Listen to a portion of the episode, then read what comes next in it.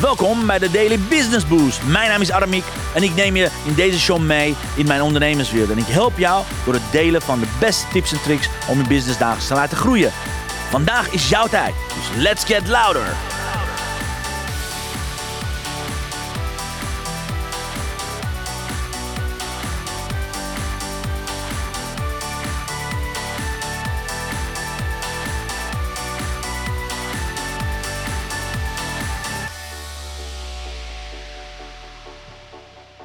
Ja, lieve Atlas-luisteraar. Het is de volgende aflevering geworden, dag 2 of aflevering 2.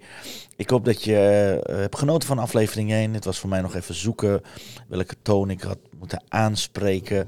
En ik heb ontzettend leuke feedback van jullie gehad. Dus dankjewel, dankjewel Sita voor je feedback over ook de naam van de dames, de familie zoals ik het verkeerd heb uitgesproken. Ik ga mijn best doen om het beter uit te gaan spreken. En even kijken, wat was de feedback? Nu ben ik uh, weer vergeten hoe ik het moet uitspreken. Het was de zusjes Daplizé. Volgens mij moet ik het Daplizé gaat het dan worden. Dus uh, excuus als ik de als de familienaam niet goed heb uitgesproken. Maar kom alsjeblieft met feedback juist. Ik vond het super leuk van Sita die ze, dat ze me feedback had gegeven. Dus mocht ik dingen niet goed uitspreken, dat jullie een andere luisterboek op een andere manier, andere manier hebben gehoord. Excuses daarvoor, dat is dan amateurisme. En ik hoop dat jullie mij vergeven daarbij. En by the way, mocht je het e-book versie ervan willen hebben, mocht je de digitale versie van het boek willen hebben, laat me weten. Ik stuur het je graag door als een echte fan. Anyways, laten we doorgaan naar waar we gebleven waren. Nou, ik ga beginnen in pagina 20 en 21 gezegd. Het dagboek van Atlas 1928 tot 1929. Bologne, Bilacourt, Parijs, Frankrijk. Het dagboek is een cadeau van monsieur en madame Paul Landowski. Ze zeggen dat het een goed idee zou zijn om te proberen mijn gedachten op papier te zetten, omdat ik niet kan praten, maar wel kan schrijven. Eerst dachten ze dat ik gewoon heel dom was, dat ik niet goed bij mijn hoofd was. En op allerlei manieren ben ik dat ook niet.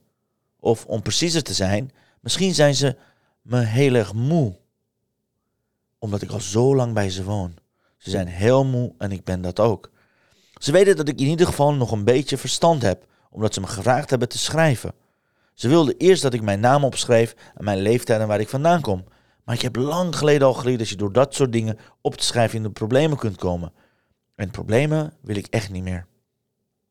Dus ging ik aan de keukentafel zitten en schreef een gedicht dat papa me heeft geleerd. Het was natuurlijk geen gedicht dat zou verraden waar ik vandaan kom, voordat ik onder een heg in hun tuin terechtkwam. Het was ook niet een van mijn favoriete gedichten. Maar ik vond dat de woorden goed bij mijn stemming pasten. En dat er genoeg waren om dit aardige echtpaar, dat door het lot op mijn weg was gezonden toen dood bij mij aanklopte, te laten zien dat ik kon communiceren.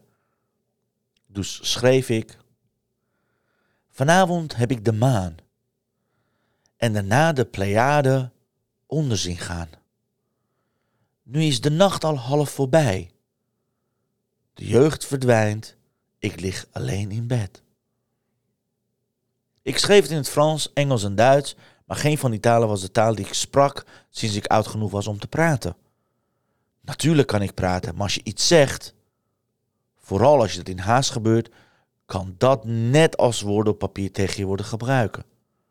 Ik geef toe dat ik genoot van een verbaasde blik op, de, op het gezicht van Madame Landowski toen ze las wat ik had opgeschreven.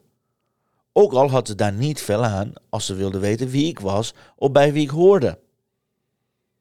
De blik van het dienstmeisje Elsa, toen ze met een klap een kom met een eten voor me neerzette, sprak duidelijke taal.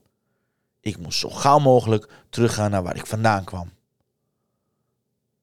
Niet praten is helemaal niet moeilijk. Het is al meer dan een jaar geleden dat ik mijn thuis verliet. Waar ik had gewoond zolang ik, zolang ik me kon herinneren. Ik heb mijn stem alleen gebruikt als het absoluut nodig was. Vanaf de plek waar ik dit schrijf, kan ik uit het zolderraampje kijken. Ik heb net de kinderen van de Landowski's het pad op zien komen.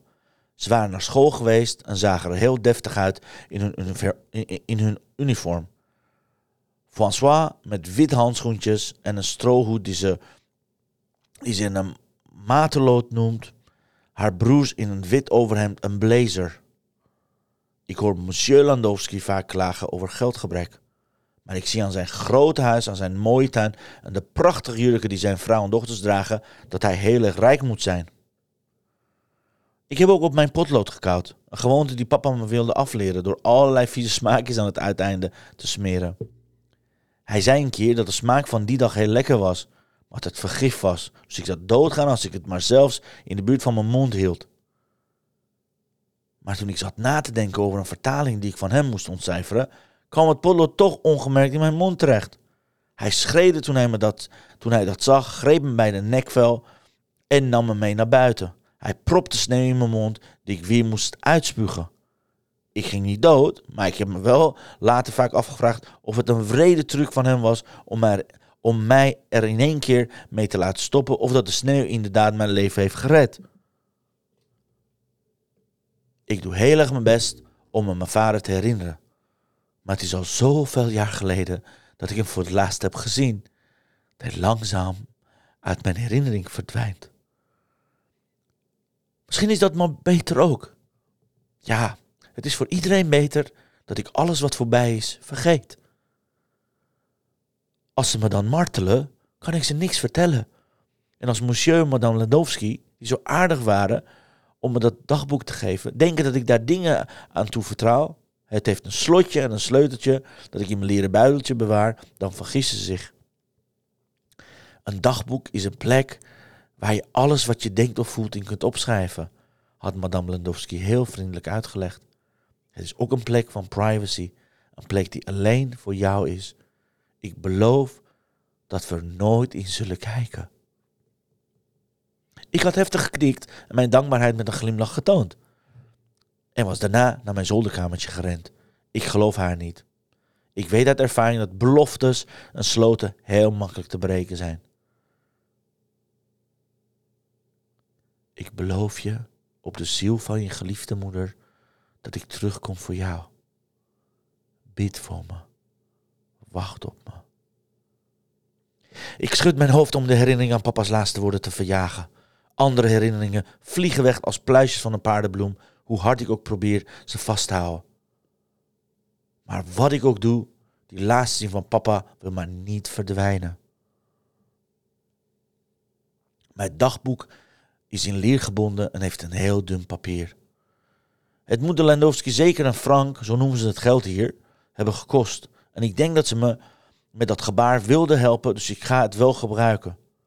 Bovendien heb ik mezelf dan wel aangeleerd om niet te praten. Maar tijdens mijn lange reis heb ik me vaak afgevraagd of ik het schrijven niet zou verleren. Ik had geen papier of potlood bij me. En een van de manieren om die lange ijskoude winternachten door te komen, was het uit mijn hoofd opzeggen van passages uit gedichten. Want dan zag ik het voor mijn geestesoog hoe je het schreef. Ik vind dat een hele mooie uitdrukking.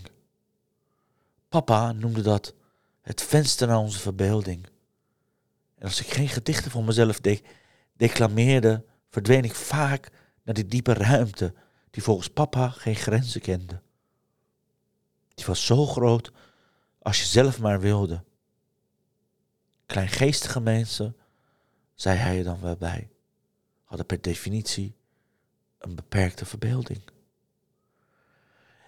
En al zijn de vriendelijke Landowski's mijn redders, die me fysiek verzorgen, toch heb ik er soms behoefte aan in mezelf te verdwijnen, mijn ogen dicht te knijpen en gedachten toe te laten dat ik nooit zou kunnen opschrijven omdat ik nooit met iemand kan vertrouwen. Daarom, zo heb ik het bedacht. Zo zullen de Landowski, als ze het ooit lezen van een dagboek vinden, dat begint op de dag waarop ik mijn laatste gebeden zei. Want ik ben er diep in mijn hart van overtuigd dat ze het een keer zullen lezen, al is het alleen maar uit nieuwsgierigheid. Misschien heb ik die laatste gebeden niet eens hardop gezegd.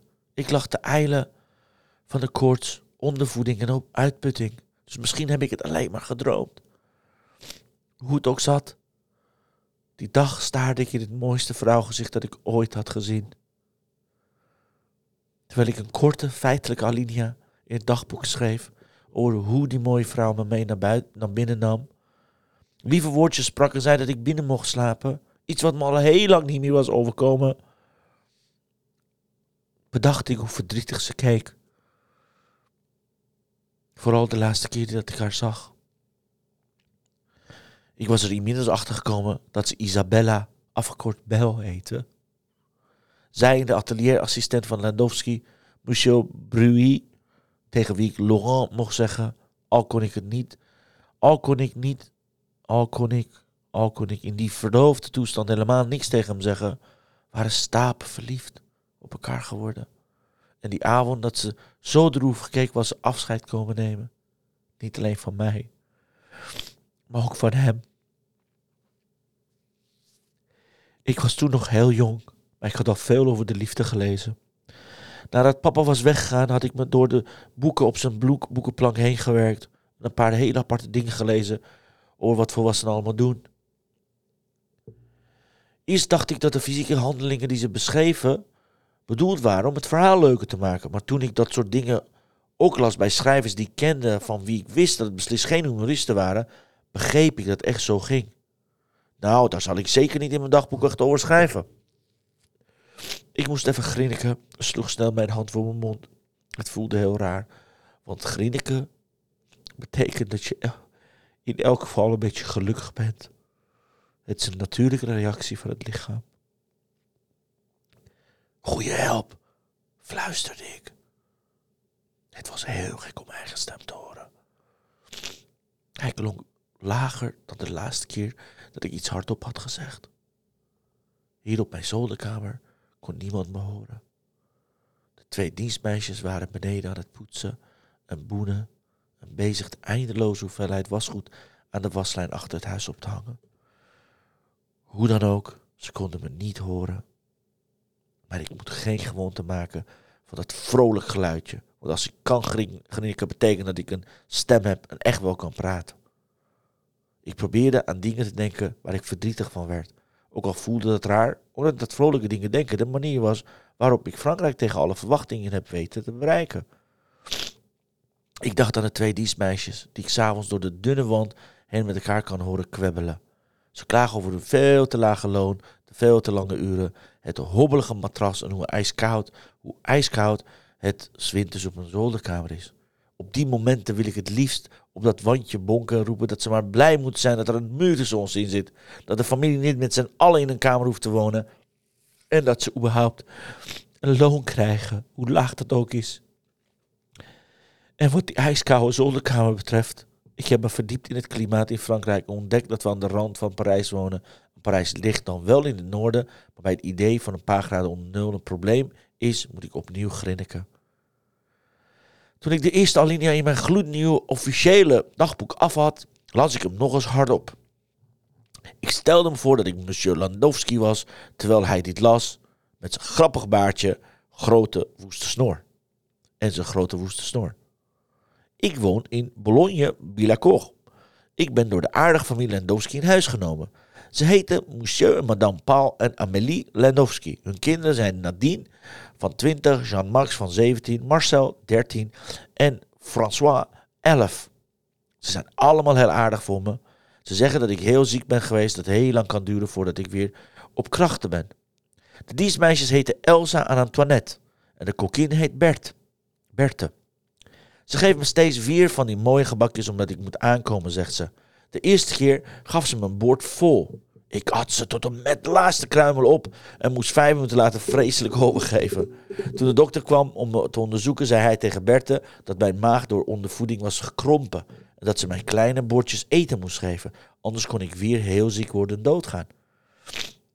Volgens mij was Berthe daar een beetje door van slag, maar ik hoop dat, dat ik nu weer bijna normaal kan eten en genieten van wat ze klaarmaakt. Er is één lid van het personeel dat ik nog niet heb ontmoet, maar over wie de familie heel vaak praat. Dat is madame Evelyn Gilson, de huishoudster. Ze is nu met vakantie op bezoek bij haar zoon, die in Lyon woont. Ik ben bezorgd omdat ik deze familie geld kost. Met al dat eten dat ze me geven, plus de dokter die hier naartoe moet komen om mij te onderzoeken. Ik weet hoe duur dokters zijn. Ik heb geen geld en geen werk, kan geen manier bedenken om ze terug te betalen. Want dat verwachten ze natuurlijk en zo hoort het ook. Ik weet niet hoe lang ik hier nog mag blijven, maar ik probeer te genieten van elke dag die ik in dit prachtige huis doorbreng. Ik dank de Heer voor vriendelijkheid en bid elke avond voor ze. Tja. Knauwend op het uiteinde van mijn potlood knikte ik tevreden. Ja, ik had simpele taal gebruikt met een enkel spelfoutje, zodat ik als een gewone jongen van tien zou overkomen. Ze hoeven niet te weten wat voor onderwijs ik vroeger heb gevolgd. Papa had erop aangedrongen mijn lessen bij te houden. En nadat hij was weggegaan had ik dat wel geprobeerd, maar zonder zijn leiding had ik het laten versloffen. Ik haalde een prachtig vel blanco papier uit de la van het, oud, van het oude bureau. Dat ik, uh, dat ik een la en een eigen plek om te schrijven had. Om, dat ik een la en eigen plek om te schrijven had, was een onvoorstelbare luxe. En begon aan een brief. Landowski Atelier, Rue Moisson de Roche, Boulogne, Binnenkort. 7 augustus 1928. Beste monsieur, madame Landowski, ik wil u allebei graag bedanken voor uw cadeau. Zo'n mooi dagboek heb ik nog nooit gehad en ik zal er elke dag in schrijven zoals u me hebt gevraagd. En dank u dat ik bij u mag wonen. Nou, ik wilde er eerst een heel beleefd met vriendelijke groeten mijn naam onder zetten, maar ik deed het niet. Ik vouwde het papier netjes in tweeën en daarna in vieren en schreef uw naam op de voorkant. Ik zal de brief morgen op de zeerwaarschaal voor de post leggen. Ik heb de plek waarnaar ik op weg ben nog niet bereikt, maar ik ben wel heel dichtbij. Vergeleken bij de afstand die je hebt afgelegd, is het een wandelingetje heen en terug naar Rue Moisson de Desroches. Maar ik wil het nog niet verlaten. Ik moet op krachten komen. Ik wil hen nog niet verlaten, ik moet op krachten komen. Zoals de dokter tegen Berthe, tegen Berthe heeft gezegd, niet alleen lichamelijk, maar ook geestelijk. Dat laatste kon de dokter niet onderzoeken, maar ik had hem kunnen vertellen dat niet de vreselijke fysieke dingen die ik had meegemaakt het ergste waren, maar de angst die me diep van binnen nog in zijn klauwen had. Dienstmeisjes hebben, waarschijnlijk omdat ze genoeg kregen van het geklaag over iedereen in huis, tegen me gezegd dat ik in mijn slaap schreeuw, dat ik ze wakker maak. Tijdens mijn lange reis was ik daaraan gewend geraakt en bovendien was ik al altijd zo doodop dat ik in slaap viel zodra ik ging liggen. Maar nu ik uitgerust ben en in mijn eigen warme bed slaap, ben ik soft geworden. Vaak kan ik na nachtmerrie niet meer in slaap komen. Ik vraag me trouwens af of nachtmerrie wel het juiste woord is. Heel vaak is het mijn eigen wrede geest die me dwingt om dingen die ik echt heb meegemaakt opnieuw te beleven. Ik stond op, liep met mijn dagboek in de hand naar mijn bed. Ik kroop onder de dekens ik niet nodig had omdat het heel warm was. Ik pakte het dagboek en propte het in mijn pyjamabroek, zodat het goed verstopt zat tegen de binnenkant van mijn dij. Ik trok het leren buideltje dat om mijn nek hing over mijn hoofd en legde tegen mijn andere dij. Als ik iets van mijn lange reis had geleerd, was dat het de veiligste plek was. Was dat, was het dat dat de veiligste plek was om de kostbare spullen te bewaren. Ik ging op mijn rug liggen, op éénzelfde matras als dat van Elsa en Antoinette, al voelde ik dat voor mij als een wolk engelenvleugels. En ik deed mijn ogen dicht. Zei een kort gebed op voor papa en mijn mama waarin de hemels ook mag zijn. En probeerde, mee, probeerde me mee laten voeren door de slaap. Er bleef een akelige gedachte knagen. Ik geef het niet graag toe, maar er was nog een reden om Lendowski's een bedankbrief te schrijven. Ik wist dat ik mijn reis moest doorzetten, maar ik ben nog niet zo ver dat ik het heerlijkste gevoel van allemaal kan opgeven de veiligheid. Zo, lieve luisteraar, holy piep. Dit was hoofdstuk 1, by the way. Uh, ja, het is een heel emotioneel hoofdstuk, want uiteraard, zoals je waarschijnlijk. Uh, misschien heb je het niet. Nou, weet je, ik ga ervan uit dat je weet wie dit is. Maar zal ik me gewoon lekker niet vertellen, want dan uh, verlies ik de context. Waarschijnlijk heb je al geraden wie dit is en op welke manier dat is. En uh, nou ja, komt heel dichtbij. Ik word er heel emotioneel van. En dat is eigenlijk bij ieder boek van, bij ieder boek van Zeven Zussen, keer of 85 gaat het gebeuren. Weet je, so be. Ik ga mijn emoties niet eh, verstoppen voor je. Hey, dit is, dit is bijna mijn dagboek. Dat ik iedere dag voor je aan het lezen ben. Is, ik, ik neem hem mee op mijn avontuur, hoe ik dit boek beleef. Maar, damn, dit begint echt heel goed. Hoofdstuk 1 is een succes. Ik wens je een hele mooie dag, middag, avond, whatever het is. En dat je, laat me weten, laat me weten als je geluisterd hebt naar het eerste hoofdstuk, aflevering 2 van Atlas. Het verhaal van Paasalt.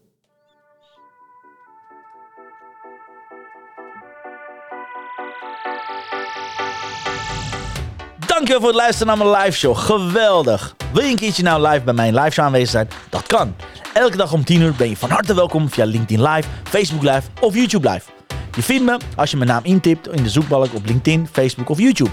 Ben je nou erg leergierig? Wil je nu je business laten accelereren? Download dan nu helemaal gratis mijn e-book met de allerbeste 100 social selling tips op www.dailybusinessboost.nl. Zoals ik altijd zeg, wij zijn ondernemers. Wij zijn de kracht van de economie. Maak het verschil, iedere dag, iedere uur. En tot de volgende keer.